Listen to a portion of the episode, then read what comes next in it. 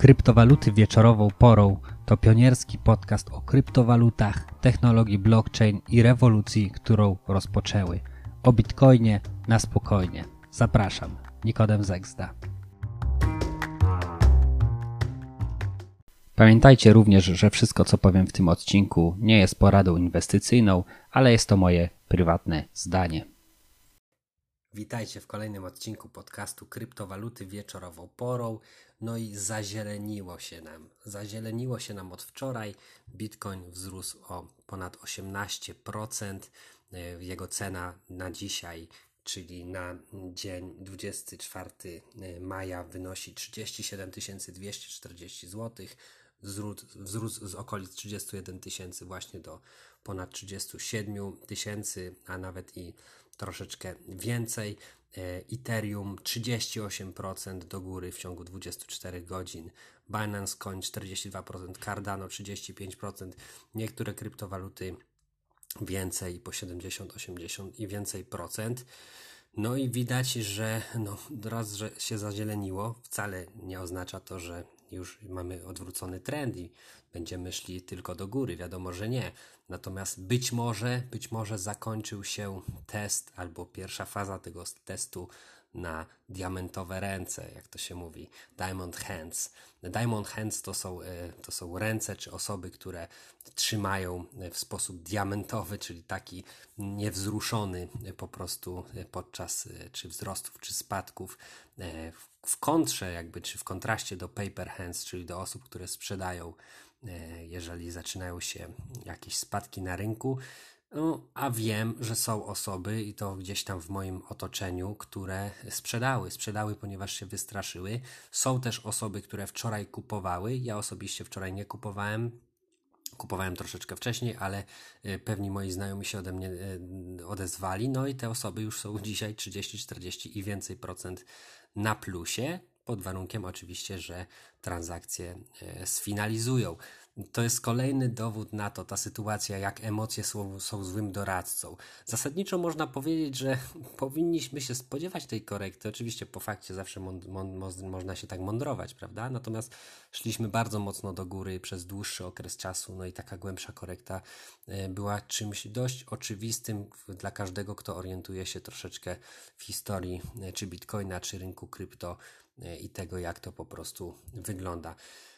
Ja troszeczkę chciałem Wam też i będę się starał w tych e, moich e, odcinkach podcastu troszkę wydłużyć być może perspektywę patrzenia, czy starać się, będę starał się też zbudować, czy promować takie podejście, nazwijmy to rentierskie, takie długoterminowe, związane też z odroczoną gratyfikacją.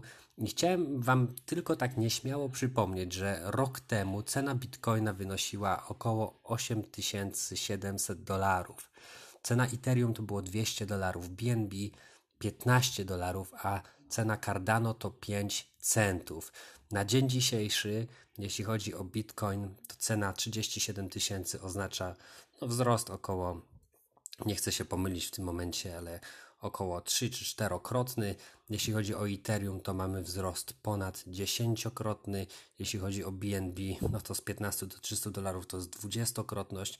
No a Cardano również 20 e, ponad razy wzrosło, więc Oczywiście, pamiętając o cyklach Bitcoina, o tym, że jednak rynek porusza się w ramach cyklu Bitcoina, jednak warto po prostu pamiętać o długoterminowości i o tym, że czasami lepiej jest do swojej inwestycji podejść właśnie jak do maratonu żeby poznać też zasady planowania finansowego i zdać sobie sprawę z tego, że inwestowanie to jest dłuższa podróż.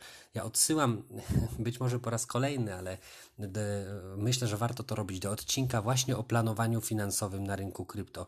Są pewne ponadczasowe zasady planowania i być może dla części z was, z was, a wiem, bo wielu moich znajomych i osób, z którymi piszę, jestem w kontakcie też właśnie e, przez internet Wiele osób myśli właśnie w kategorii takiego bycia rentierem, czyli bycia osobą niezależną finansowo, e, czyli osobą, która może żyć z odsetek od posiadanego kapitału. I tutaj w takim podejściu trzeba zdać sobie sprawę z tego, że będziemy mieli część pieniędzy, której po prostu e, nie wydamy. I to taki może trochę off-topic, ale chciałbym tę perspektywę mm, długoterminową również troszeczkę przybliżać. Może w kontrze też do tego takiego day tradingu, który gdzieś tam jest w niektórych kręgach mocno, mocno popularny i gdzie różnego rodzaju sygnały, prawda, informacje czy dane są przekazywane jako coś, co pewnego, coś, coś pewnego, a okazuje się, że tak naprawdę ostatni czas bardzo mocno to zweryfikował. I im dłużej jestem na rynku, tym bardziej widzę. I jak porozmawiacie z osobami, które są dłużej na rynku, to zazwyczaj one uczciwie przyznają, że hodling to jest jednak najbardziej e, opłacalna strategia. Jeżeli ktoś jest uczciwy, to zazwyczaj, pewno będą jakieś wyjątki, ale zazwyczaj właśnie hodling, czyli trzymanie, to jest najbardziej mm, e, opłacalna inwestycja. No i jeszcze może taka ciekawa informacja. Y, ponieważ Goldman, Goldman Sachs w tym momencie y, uznał właśnie Bitcoina jako cyfrowe aktywo y, oficjalnie, więc jest to według nich w tym momencie jakby aktywo, w które warto inwestować, czy można inwestować. No ciekawa informacja, prawda, że teraz się akurat okazuje. Whale Alert pojawił się również. Prawie oko, w okolicach miliarda dolarów wpływa na Binance w tym momencie w 14 transzach po minimum kilkadziesiąt milionów e, USDT, czy, czyli takich dolarów na, na, na, na blockchainie. E, każda, każda transakcja minimum kilkadziesiąt milionów.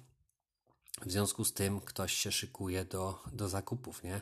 Bo jeżeli wpływają stablecoiny, no to po to, żeby je zamienić na jakieś, y, na jakieś inne kryptowaluty. Zazwyczaj, jeżeli ma być większa sprzedaż, no to nie USDT wpływają, tylko na przykład bitcoiny wpływają albo inne y, kryptowaluty w większych ilościach. Więc to może, może oznaczać, że niedługo dowiemy się o jakichś większych zakupach.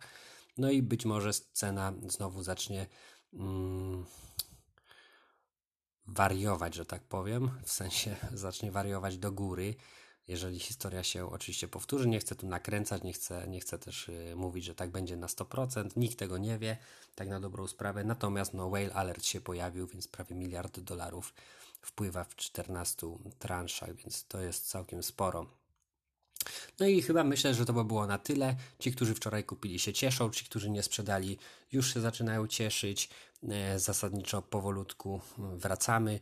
Y, przynajmniej dzisiaj, prawda, do, do jakichś tam y, wyższych wartości, do których także tak szybko się przecież przyzwyczajamy na rynku.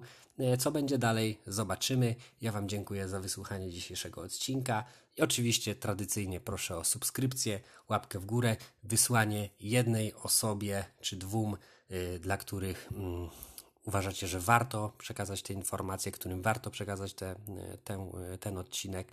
No i co? I do usłyszenia następnym razem. Trzymajcie się. Cześć.